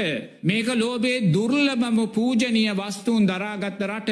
මේකේ දුර්ලබම සිල්වතුන් ටික දරාගත්ත මේක එහිනම් සීලයෙන් විතර පරිපූර්ණ නායකෙක්ට මේක කරන්න බැහැමුතන මෙතන ආරක්ෂා කරන්න ලෝක ධර්මයක් තියෙනවා. සාරා සංක කල්ප ලක්ෂ ගානක් බෝධිසත්වයින් වහන්සේ මහ සාගරයේ ජලයට වඩා රුදිරය දන්දීලා මහ පොළවේ අපේ පස්වලට වඩා ශරීරමාන්ස දන්දීලා මේ ලෝකෙට උරුම කරගත්ත දුන්න ශේෂ්ඨ ධර්මයක් වෙතන එක තේරුම් ගන්න ඕනේ. එනිසා සීලයෙන් පමණක් මේ රටේ හෙට දවස ගොඩනගන්න බෑ. මේ රට ආරක්ෂා කරන්න බෑ. මේ රටේ වටිනාකම ආරක්ෂා කරන්න බෑ. එනිසා නිවාරෙම සද්ධාවත් තියෙන්න ඕනි. සද්ධාව නැති සීලය තීනයට රට ගියොත් සීලය කියන හොරකං කරන්න නැති කෙනෙක් කියන පුළුවන් අහවල්ලු හොරකම් කරන්නේ නැහැ. හරිද? නමුත් අහවල්ලු හොරකම් කරන්න නැහැ. නමුත් ඒ අයට සද්ධාව නැහැ. සද්ධාව නැති හොරකං කරන්න නැති අය රටේ නායකත්වයන්ට ආවොත් ඒ අය මුලින්ම හොරකම් කරන්නේ සත්දාව. හරිද? ඔවුන් විනාස කළ දානෙ සද්ධාවයි එක තේරුම් ගන්න ඕනේ. එනිසා සම්මා දිට්ටිය ඇතිකරගන්න ජනතාව සම්මාධිට්්‍යයේ ශක්තිය තව තව වර්ධනය කරගන්න කල්්‍යයාන මිත්‍රාශ්‍රය ලබන්න සද්ධර්මසමනය කරන්න ඔබ එහෙම කරලා ඔබ දුස්සීල භාවයෙන් හෝ අසද්ධාවෙන් මේ පූජනීය බිම්කඩට යහපතක් බලාපොරොත්තු වෙන්න එපා. මේ පූජනීය බිම්කඩ හෙට යළි ජීවත් කරන්න නං. මේ පූජනීය බිම්කඩද හෙට යළි පණ දෙන්න නං. ඔබ දක්ෂවෙන්න ඕනේ සද්ධාවෙනුයි සීලේනුයි දෙකෙම්ම පෝෂණය වුණාව කණ්ඩායමක් ජාතික නායකත්වයට ගේ. මං මේ කතා කරන්න සීයට සියක් නිවැරදිවීමක් ගැන නෙමේ එහෙම නිවැරදිවීමක් බිම්බිසාරත්තුමා තුළ තිබෙත් නැහැ කොසල් රත්තුමා තිබෙත් නැහැ. බිම්බිසාරත්තුමා සෝවාන් පලට පත්තුන් රජ කෙනෙක් වුණත් ඒස් රාජ්‍යත් මගද රාජ්‍යත් ප්‍රශ්න තිබ්බ යුද්ධ තිබ්බා තේරන. එසා සීයට සීයක් නිවැරදි සමාජයක් නෙමේ මං කතා කරන්නේ. අවම වශයෙන් සීයට පණහක් නිවැරදි සමාජය. ඔබට මේ සමාජය අවම වශයෙන් සීයට පනක් නිවැරදි කරන්න ඕනෙ නං.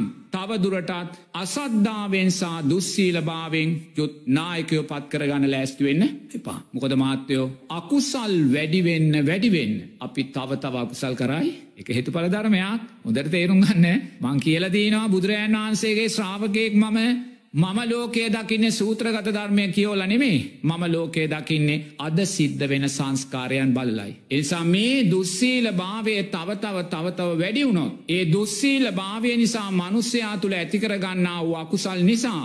අනාගතේ අසද්දාවෙන් පිරුණා වූ කණ්ඩායම් බලයට පත්වෙන පුළුවන් එහෙම කොළොත් ශාසනයක් විනාස වෙලා ඒකත් විනාසෙලායි. ඔතෙන්ට තමයි අපි මේ අර්ගෙන යන්න ඇන දුස්සීල භාවය විසින්. එනිසා මේ ගලාගෙන යන දුස්සීල භාවය කරුණා කරලා සමාජය නවත්ත ගන්න. ඔබලාට අවශ්‍යනම් මම සමාජත්තය කටතු කරන්නේ නැහැ. මට තියෙන්නේ එක වගකීමයි. ඒ වගකීම තමයි මගේ ඇස් දෙක පියවෙන තුරාවට මේ උතුම් චතුරාර් සත්‍යය ආරක්ෂා කරලා තැබීම. ඒ චතුරාර් සත්‍යයන්ගේ ආරක්ෂා උදෙසා මට කරන්න තියෙන කැපවීම ඒ වගකින් විතරයි තින් මට වෙන කිසිම් වකීම නැහැ. තේන මට දරුවොත් නෑ මොකක්වත් නෑ මට තියෙන මැරෙන මොහොත දක්වා චතුරාර් සත්‍ය ශක්තිමත් කරල තැබීම වගකින් විතරයි. මේ ශාසන අර්ථය ශක්තිමත්ව කරලා තැබීම. තෙන්න ජනතාව තුළ සද්ධාව ජනතාව තුළ කුසලේ වර්ධනය කරලා තැබීම. නමුත් මාත්‍යයෝ අපි මේ සමාජය හැසිරෙන විදියට සමාජය මේ ගලාගෙන යන විනාසේ දිසාවට මහත්තයෝ අපිට කරන්න පුළුවන් දෙයක් ඉතුරු වෙලා නැහැ. අපි කොච්චර චතුරාරි සත්‍ය කතා කළත් ජනතාවන්න විසුරුණා වූ හිතේ. අපි දෙනදේ අර්ථවත්ව අවබෝධාත්මකව ජීවිතයට එකතු කර ගැනීමේ මානසික ශක්තියක් අද සමාජයට නැහැ. විසිරුණා වූ සිතෙන් තමයි සමාජයේ ජීවත් වෙන්. නමුත් අපි බණ කියද්දි සිද්ධ වෙන එක දෙයයි අපිෝ ජනප්‍රිය භාවට ඒ ජනප්‍රිය භාවයක් මන් සතපාකටවත් ගණන්ගන්නේ නැහැ. ඒසා ඒකනුත් මට වැඩක් නැහැ. එනිසා ඔබලාට දෑත් දෙක එකතු කරලා ගෞරවයෙන් මං කියන්නේ අනේ කරුණා කරලා දුස්සීල භාවයෙන් හෝ අසද්ධාවෙන් හෙට ලෝකයට ජයග්‍රහණයක් බලාපොරොත්තු වෙන්න. ඔබේ දවාදරුවට ශාසනයට ඔබේ සිංහල බෞද්ධ සමාජයට මේ සියලු ජාතීන් සමගියෙන් ජීවත්වෙන සමාජයට යහපත් හෙටක් බලාපොරොත්තු වෙන්න නිසා කරුණා කරලා දුස්සීලභාවයෙන් තොර අසද්ධාවෙන් තොර සද්ධාවන්ත බෞද්ධයින්ගෙන් යම් පිරිසක් එකතු වෙලා මහත්තයෝ මේ සමාජ වගකීමොල්ල නායකත්වය ගන්න පෙරටෙන්න. පෙරටේ නිම් පෙහා අපිට බලාපොරොත්තු වෙන්න දෙයක් නැහැ. මේ රටේ සිල්වත් භාවය ආරක්ෂා කරන මේ රටේ හොරකම් නොකරන මේ රටේ අවංකභාවය තියෙන මේ රටේ ජාතයන්තරත් එක කටයුතු කරන්න පුළුවන් රටට ආදරේ තෙරුවන්ට ගරු කරන සංඝයාට ගරු කරන මාතය පන්සියක් ඔයා ගන්න නැද්ද පන්සියක් ඔයා ගන්න නැද්ද. එහෙම නැත්තං ඉතින් ඒක මහා දුර්ලතාවයක් නේ? සංඝයාට ගරු කරන සංඝයාට කීකරු තෙරුවන්ට ගරු කරන හොරකම් දූෂණය නොකරන පංචසීලය ආරක්ෂා කරන ජාතන්ත්‍රයත් එක කටයුතු කරන්න ශක්තිය තියෙන එවැනි දැනුමක් තේරුමක් තියෙන පන්සියක් ඔයාගෙන ඉදිරියට එන්න. මේක වෙනස් කරන්න ඕන නැත්තම් මේ විනාශයන් ගැන කතා කළ තේරුමක් නැහැ. කෙනෙක් රටඇරල යනවා තව කෙනෙක් පිකටින් කරනවා තව කෙනෙක් උපවාස කරනවා තව කෙනෙක් පෙළපාලියනවා ඔය එකක්වත් කරලා වැඩක් නැහැ. මේක වෙනස් කරගන්න වෙනස් නොකොළොත් දුස්සීල භාවයට අදාළ විපාකයනුයි සමාජගත වෙන්නේ. වෙන දෙයක් නැහැ. දැම් බලන්න අපේ ළමා පරපුර බලන්නකො පාසල් පද්ධතිය තුළ ජීවත්වන ළමා පරපුර කොච්චරනම් ගුණාත්මක භාවෙන් වැටනවාද කියලා.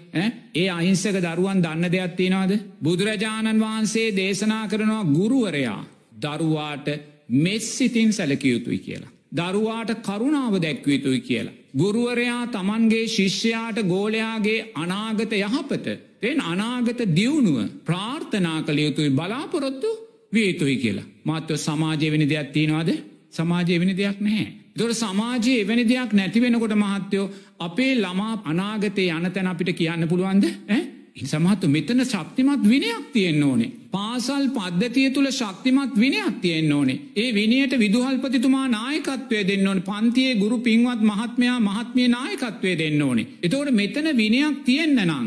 අනිවාර්යම පාර්ලිමේන්තුව තුළ විනයක් තියෙන්න්න ඕනේ. ඇමති මණ්ඩලේ තුළ විනයක් තියෙන්න්න ඕන රටේ නායකයා තුළ විනයක් නමුත් මාතු ඉහල කුණු වෙලා එද්ද ඉහල විනය නැතිවෙද්දී අපිට විදුහල්පතිතුමාගෙන් ඒ විනය බලාපොරොත්තු වෙන්න බැහැ අපිට ගුරුතුමාගෙන්ගේ විනේ බලාපොරොත්තු වෙන්න බැහැ. එතොට මේ සියල්ල පිරිහෙදි දරුවාගේ විනේ බලාපොරොත්තු වෙන්න බැහැ. ඒ සමත සම්මා දිට්්‍යය කියන මොකක්ද.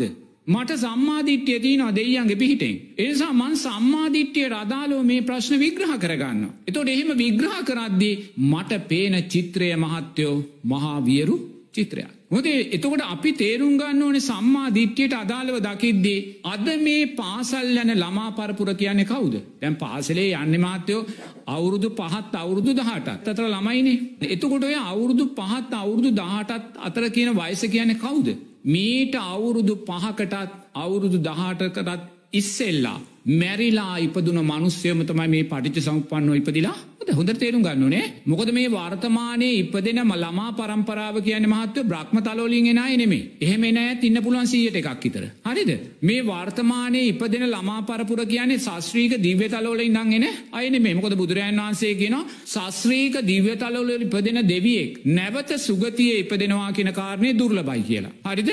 මොක දෙයාට මරනාසන්න මෝතේ දීව සම්පත් අතහැරගන්න බෑ. යා මහා දිව්‍ය සම්පත්න වින්දි. මරනාසන්න මෝතේ චුත වෙනකොට දිව සම්පත් අතහරන්න එයා දිව්‍ය සම්පත් උපාදානය කරගෙන ගැටෙන සිතෙන් සතරපායට එනමතු මේ ඉපදෙන දරුවන්ගෙන් සීයට පහක් ඕන්නන් අතීතය දෙවියෝ වෙන්න පුළුවන්. එනම් මාත්‍යයෝ මේ ඉප දෙෙන අය බහුතරය කවුද. තුෂ්නාපච්චයා උපාදානන් කියන ධර්මතාවය තුළ මේ මනුස්ස ලෝකයම උපාදානය කරගෙන මනුස්ස ජීවිතවල ඉඳං මැරිලා ඉප දෙෙන මුදර තේරුම් ගන්න ඕනේ.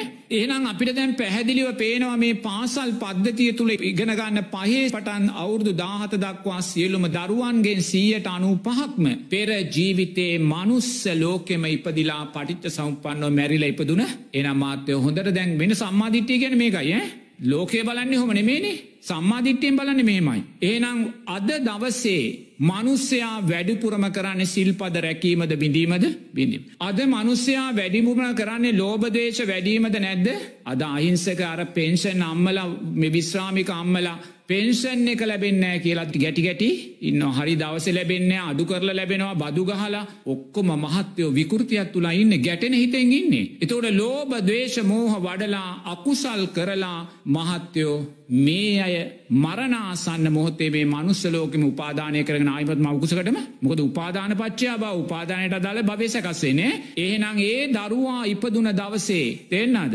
ඒ ඉපදුනේ පෙරජීවිතේ සීලේ පරිපූර්ණ දරුවෝද පෙරජීවිතේ කුසල් මූලයන් පරිපූර්ණ දරුවෝද මේ සමාජම ජීවත්වෙච්ච අය. එතකොට මේ සමාජම ජීවත්වෙච්චේ සීලේ දුස්සීල භාවයන් පිටිපස්සෙ තියෙන අකුසල් මූලයන් පිටිපස්සෙ තියනේ දරුවන්ට මහත්යෝ යහපත් විනියක් අවශ්‍යයි. ගොඩ නැගෙන්න්න මොකද දුර්වල සංස්කාර පිටිපස්සේ තියෙනවා. එතකොට ඒගොල්ල ගොඩනැගෙන්න්න නම් අවුරුදු පහේ හයේ ඉදම්ම ඒගොල්ලන්ට යහපත් විනියක් අවශ්‍යයි යහපත් නායකත්වය අවශ්‍යයින් කල්්‍යාන මිත්‍ර භාවයක් අවශ්‍යයි. යහපත් ගුරු ඇසුරක් අවශ්‍යයි. ඒ ගුරු ඇසුර වගකීම් විරහුත වුණොත් ඒ ළමා පරපුර මහත්‍යයෝ දුරාචාරයටමයි ගමන් කාමච්චන්දයන්ටමයි ගමන් මද්වතුරොල්ටමයි ගමන් ඇයි සංසාරික පුරුදු සංස්කාරපච්චයා විඤ්ඥාන. එනිසා පාසල් පද්ධතියේ දරුවා කියන්න මහත්තයෝ පෙර ජීවිතේ පටිත්්‍ය සමුපන්න මනුස්සෙක්මයි ඒ දරුවා කවදාක්වත් මාත්‍යයෝ අකුසල් නැති දරුවෙක් නෙමේ. බරපතල අකුසල් පිටි පස්සේ ඔබ හිතන්නක අපේ රටේ දේශපාල මාස්තුර ඉන්නවානේ. එයයි පන්සිල්ලකිනවාද මෙවැනි කෙනෙක් යම් හයකින් ඊළඟ ජීවිතේ මනුස්සෙක් වෙලා මවකුස කිපදුනොත් මාත්‍යයෝ අවුරුදු දහය ඉස්කෝලෙ වයසෙදිම මේකා මද්‍රව්‍ය ගන්න පුරුදු වෙනවා. මේක ඉස්කෝල තින දේ තොරකං කරන්න එතෝට මේ දරුවාවේ ශක්තිමත් විනිත් තුළ හික්මන්න ඕනෙද නැද්ද? එතොට ඒ දරුවාගේ වරදත්දේක ඒ දරුවාගේ වරදන්නේ මේ ඒක ධර්මානුකුල තත්ත්වය ඒ ධර්මානුකූල තත්ව නිසයි බුදුරජන් වහන්සේ කියන්නේ නායකයා ධර්මිෂ්ට විය යුතුයි. නායකයා මේම තේරුම් ගන්නතු ඔහුටයි නායකෙක් කියන්නේ. එහෙම නැත්තං නායකෙක් මෙවැනි දෙයක් තේරුම් ගන්න බැරි මනුසෙක් නායකෙක් නෙමේ. අන්තම අන්ත දුර්වලෙක් කියලයි මනන් ධර්මානකූලව කවුරු නායකය වුණ තේනයි.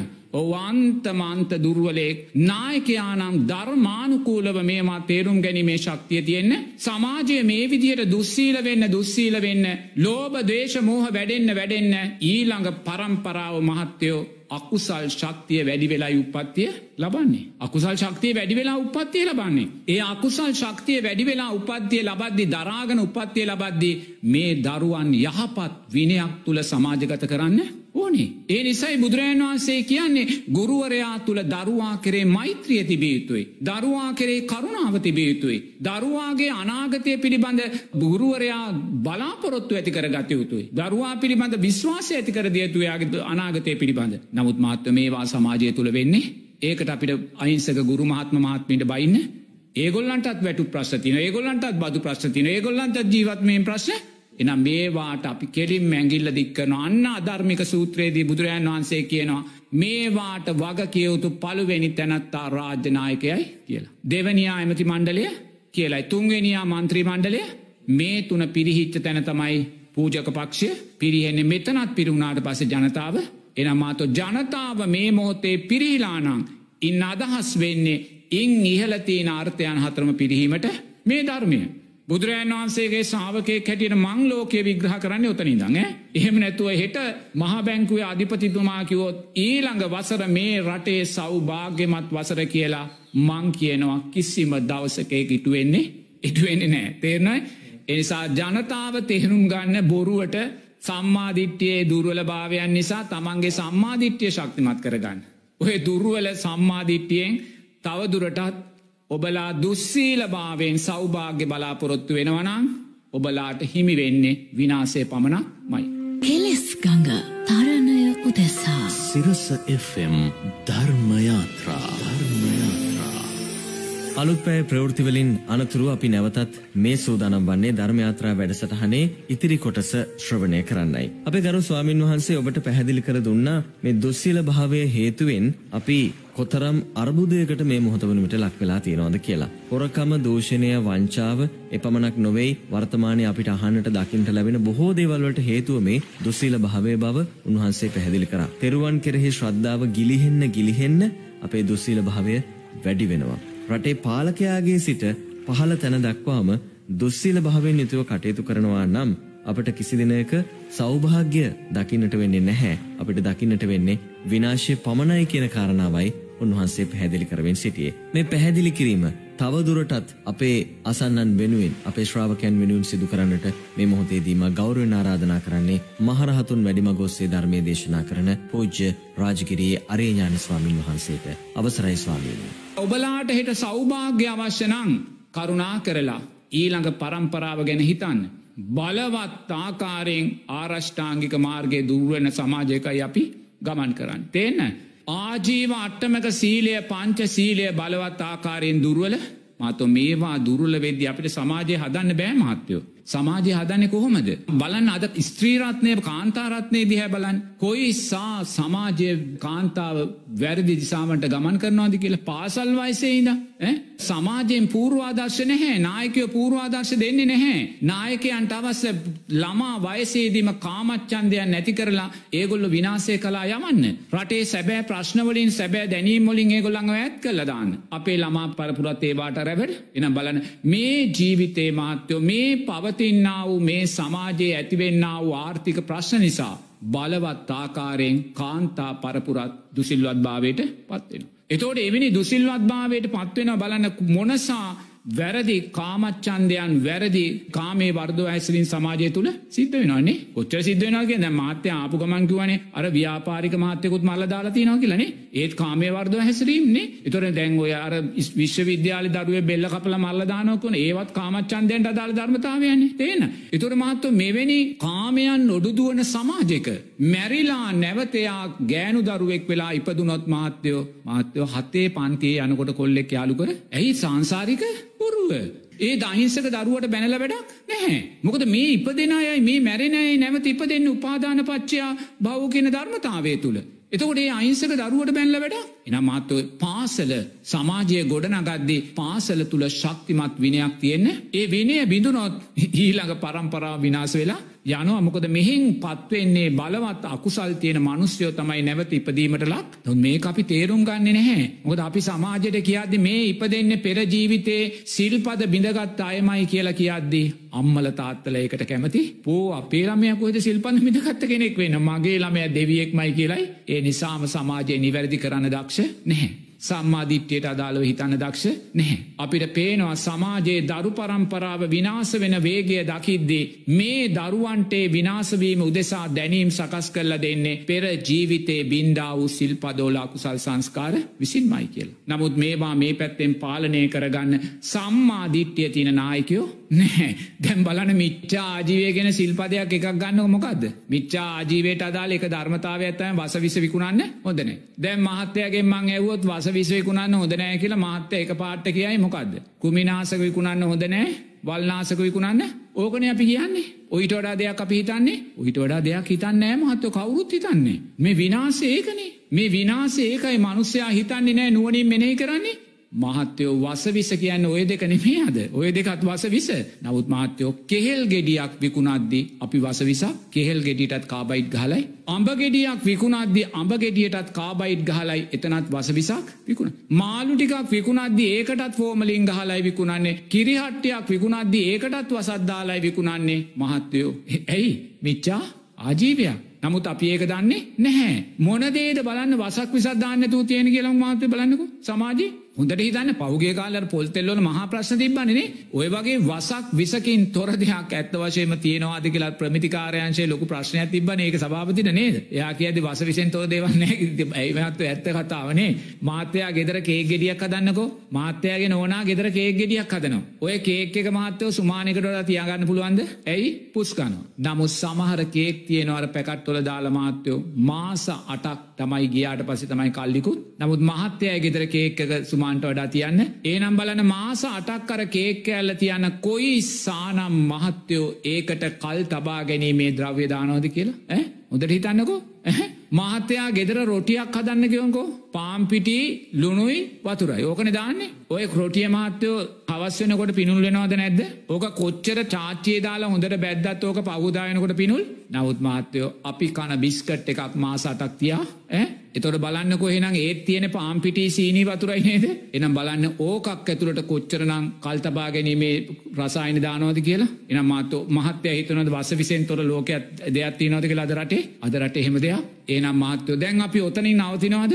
දැන් ඕක කිය කිය අපි නවතිනවා. තේන අහවල් වල බස්විස මහවල් දේ වසවිස අහවල් දේ වසවිස කියලා එතනින් නැවතුණා. අපි ඕක විපාකෙ දකින්නවද? මේ වසවිස නිසා මනුස්ස සමාජයේ සම්පූර්ණයම පිළිකා රෝගීන් මොලය ගෙඩි එහෙම නැත්නම් අක්මාදියවීම සහිත බරපතල රෝගාබාධයන්ට සමාජයේ ලක්වෙන. හිතනවාද? දෙවැනි කාරණය මේ වසවිස විකිනීම නිසා ඊළඟට ඒ මිනිස්සු මැරිලා මිනිස්සය වුණොත් ළමා කාලේදී මේ දරුවන්ට පිළිකා ගෙඩි අරවා මේවා බලවත් රෝගයන්ට පත් අද ළමා පරපුරෙන් භාගයක්ම ලෙඩ වෙලා මහත්තයෝ. අවුරුදු පහේ දරුවා අරංගෙනවා පිළිකා හැදිලා. අවුරුදු අටේ දරුවා අරංගෙනවා මොලේ ගෙඩි හැදිලා. අවුරුදු දාහේ රදවා අබංගෙනවා වකුගඩු නරක් වෙලා. ඇයි පෙර ජීවිතය මිච්චා කවුද මේ කේල් ගෙඩියට කාබයිට් ගහපු අය අඹ ගෙඩියට කාබයිට් ගහපු අය කෝටිපති බිස්කට් විකුණපු අය ආහාර විකුණපු අය මෙන්න මැරිලා මනුස්්‍යය වෙලා අවුරුදු අටේදී පිරිකා අර දරුවෙක් මගේ ළඟට ඊය පෙරේ දෙක්කං අව වයස නමයයි ඉසේ පිළිකාව. මාතෝ කාටද වර්ධ පටවන්නේ. අපි හිතනවාද මේ පිසේ පිළිකාවක් හැදුන දරුවා පෙර ජීවිතේ කෝටිපති වසවිස ආහාර හැදුව නිෂ්පාදකයෙක් කියලා පිහිතනවාද හිතනවාද ඕක නොහිතනකං කවදක්වත් අපිට මේ ප්‍රශ්නය ගොඩෙන්න බැහැ. අපි මොකද කරන්නේ. මෙහෙම් පිළිකාරෝගීන් වැඩිවෙනකොට අපි පිළිකාරෝහල පුළුල් කරන්න ආධාර එකතු කොල්ල පිරිකාරෝහලට තවතාව වාට්ටු හදලා පිරිකා රෝහලේ රෝගීන්ට බෙහෙත් නෑ කියලා සල්ලියෙක් කව් කර කර බෙහෙත් අරගෙන ද අපි ඕකන කරන්නේ? විසඳේද ප්‍රශ්නය ප්‍රශ්නය විස දෙන්නේ ප්‍රශ්නය විස දෙන්නම් මොකක්ද කරන්න ඕනේ? සමාජය තුළ සම්මා ආජීවය ශක්තිමත් භාවයට පත් කරන්න ඕනේ. විනය ඇති කරලා නීති ඇති කරලා දඩුවම් ඇති කරලා තුෂ්නාවේ තියෙන වියරුව කියලදීලා සමාජය තුළ සම්මා ආජීවේ ශක්තිය ඇති කරන්න ඕනේ. එහෙම නැතුව අපිට පිරිකාරෝහලේ වාට්ටු වැඩි කල්ල වැඩත්තිනවාද පිරිකාරෝහලට බෙහෙත් වැඩිපුර දීල වැඩත්තිනවාද වැඩන්න නෑ මෙහිම් පොම්ප කරනවා. පිළිකාවට අදාලා අකුසල් මෙහින් සමාජය පොම්ප කරනවා. දුස්සීල සමාජය පොම්ප කරනවා. පිරිකාවට අදාළ දුස්සීල සංස්කාර පොම්ප කරද්දී පිරිකාරෝහල පුළුල් කරලා වැඩන්න නැහැ. පිරිකාරෝහලට බෙහෙත්වල දීල වැඩන්න නැහැ. කරුණා කරලා මේ දුස්සීල පාලනය වෙනස් කරගන්න. කාගේ පාලනය වුණත් ඈ මං කතා කරන්නේ අවුරුදු 40ක 50ක පාලන නැතු මේ දැන් තියෙන පාලනය විතරක් නෙමෙයි ඈ. කරුණා කරලා මේ දුස්සීල පාලනයන් අයින් කරගන්න වෙනස් කරගන්න. සිල්වත් පාලනයක් තුලින් පමණයි ඔබට මේ වෙනස් වීම යම් පමණකට බලාපොරොත්තු වෙන්න පුළුවන්. ඒ නිසා කවදාක්වත් මෙවැනි සිල්පද දුර්වල කිරීම් වල ලස්සන චිත්‍රයක් අපිට පේනවා. ඒ චිත්‍රය මටනම් හරිම සුන්දරෝ පේනවා කොතනකවත් අඩුවක් නැහැ. තේරෙනවද? ඒ චිත්‍රය තමයි මම මේ ඔබලාට පැහැදිලි කරලා දෙන්නේ. තේරෙනවද? මේ චිත්‍රය දුස්සීල භාවය විසින් ඇඳා වූ චිත්‍රයක්. ඔබ මේ චිත්‍රයට අකමැති නම් කරුණා කරලා ඔබ සිල්වත් භාවයට ඉඩ දෙන්න ලස්සන චිත්‍රයක් අඳින් යම් පමණකොට ෑ සීයට සීයක් නෙමේ මං කතා කරන්න සීයට පණහයි. ඉම් එහා පැත්ත සියලු සංස්කාරයෝ අනිත්‍යයි. තේරනාද එන් සමාත්‍යයෝ මේ යන ක්‍රමයට මේ සමාජය නිවැරදි වෙන්නේ නෑ. මොකද බුදුරජාණන් වහන්සේගේ ශ්‍රාවකයෙක් මම මම ලෝකයේ දකින සූත්‍රපොත කියවල නෙමේ මම ලෝකයේ දකින්නේ අද දවසේ මනුස්්‍යයා රැස් කරන්න වූ සංස්කාරයන්ට අදාළුව. අද දවසේ සංස්කාරයන්ට අදාළුවයි මං හෙට දවසත් ඊළඟ වසරත් විග්‍රහ කරන්න. එවැනි විග්‍රහයක් තුළ මේ පවතින දුස්සීල ක්‍රමය තුළ සාසද්ධාවේ ක්‍රමය තුළ හෙට කවදක්වත් විනාසේ දවසක් මිසක් සෞභාග්‍යයේ දවසක් වෙන්නේ ඒක හොඳට තේරුම් ගන්න ඕනේ ඒවගේම මං කියනවා කරුණා කරලා පින්වත් ජනතාවට තවදුරටත් දුස්සීල භාවෙන් සෞභාග්‍ය හොයන්න එපා. මූුණු මාරු කල්ල පක්ෂ මාරු කල්ල ආණ්ඩු මාරු කල්ල සෞභාග්‍ය හොයන්න එපා. අද රටට අවශ්‍ය ආණ්ඩු මාරුවක් නෙමේ මුහුණුවාරුවක් නෙමේ පක්ෂමාරුවක් නෙමේ. අද රටට අවශ්‍ය දුස්සීලභාවේ මාරුවක්. හරිද? එච්චරයි. දුස්සීලභාවේ සා සද්ධාවේ මාරුවක් අද අවශ්‍යයි. එනිසා කරුණා කරලා හොරකං කරන්න නෑ කියන කාරණය පමණක් අදාළ වෙන්නේ නෑ සද්ධාවත් තියෙන්න්න ඕනේ හොරකම් කරන්න නැති සද්ධාව නැති අය පත්වනොත් ඔවුන් මුලින් මොහොරකම් කරන්නේ තෙරුවන් කෙරෙවූ සද්ධාව. එක හොඳට තේරුම් ගන්න ඒක පවතින සමාජයට වඩා වියරු සමාජයක් බවට සමාජය පත් කරන්න පුළුවන්. තේරනා දේනිසා කරුණා කරලා කල්්‍යයාන මිත්‍රාශ්‍රය ලබන්න සද්ධර්මසවනය කරන්න. තව තව නුවනින් මෙනෙහි කරන්න සම්මා දිට්ටි ආර්ථයන් ශක්තිමත් කරගන්න. එවිට ඔබට බෝම පැහැදිලිව පෙනෙයිවි දුස්සීල භාවය තුළින්නන් තව දුරටත් සෞභාගයක් බලාපොරොත්තු වෙන්න බැහැ කියලා. එනිසා කරුණා කරලා මේ සමස්ත රටම එකතු වෙලා ජාති ආගම් කුලබේදයකින් තොරව රටට ආදරය කරන තෙරුවන්ට ආදරය කරන එවගේ මාවංක සිල්පද පහරකින සංඝයාට ගරු කරන ජාතයන්ත්‍රයත් එක කටයුතු කරන්න දක්ෂතා තියෙන පිරිසක් එකතු වෙලා කරුණා කරලා ඉදිරියට එන්න කියන කාරණය මං මතක් කරනවා. ඉම් මෙහානං මං කියනවා හෙට දවස වියරුවක් මයි කියලා. සාධූ සාධූ සාධූ අවසරයි ස්වාමින් වහන්ස. ඔබ වහන්සේ අපිට මනාව පැහැදිලි කළ දුන්නා හෙට දවස වියරුවක් නොවී හෙට දවස සෞභාග්‍යයෙන් පිරි දවසක් බවට පත්කරගන්නට රටක් ජනතාවක් හැටියට අපි කළ යුත්තේ කුමක්ද කියන කාරණාව. ම විශ්වාස කරනවා ඔබට වගකීමක් තිබෙනවා. අපි වසර ගණනාවක් තිස්සේ මේ රට තුළ විවිධ විවිධ දේවල් සිද්ධ වෙද්දී ඒ හැමදේදී හම බලාගෙන හිටියා. එක් කොට්ටාශයක් විශ්වාස කරමින් ඔවුන් ගැන විශ්වාසය නැවත නැවත තබමින් අපි විනාශය කෙලවර දක්වාම ගිහින් තියෙනවා. ඉතින් ඒ නිසා ඔබටත් මටත් අනාගත පරපුර වෙනුවෙන් යම් වගකීමක් තියෙනවා. ඒ තමයි තෙරුවන් කෙරෙහි ශ්‍රද්ධාව තියෙන දුස්සීලභාවයෙන් තොර පිරිසක් අපේ රටේ පාලකයන් හැටියට පත් කරගන්න එක. එවෙනුවෙන් ඔබටත් මටත් කළ හැකි දෙයක් තියෙනවා නම් එවෙනුවෙන් අනාගතයේ දවසක අපි වෙහෙසවෙමු කියන ආරාධනාව ඔබට සිදු කරමින් අද දවසේ ධර්ම යාත්‍රා වැඩසටහන නිමා කරන්නයි සූදානම් වෙන්නේ. ඊට පෙර ආතුව ගරු ස්වාමීන් වහන්සේට මා নমස්කාර පූර්වක ආරාධනා කරනවා. අද දවසේ මේ වැඩසටහන ශ්‍රවණය කළ මේ පිරිසට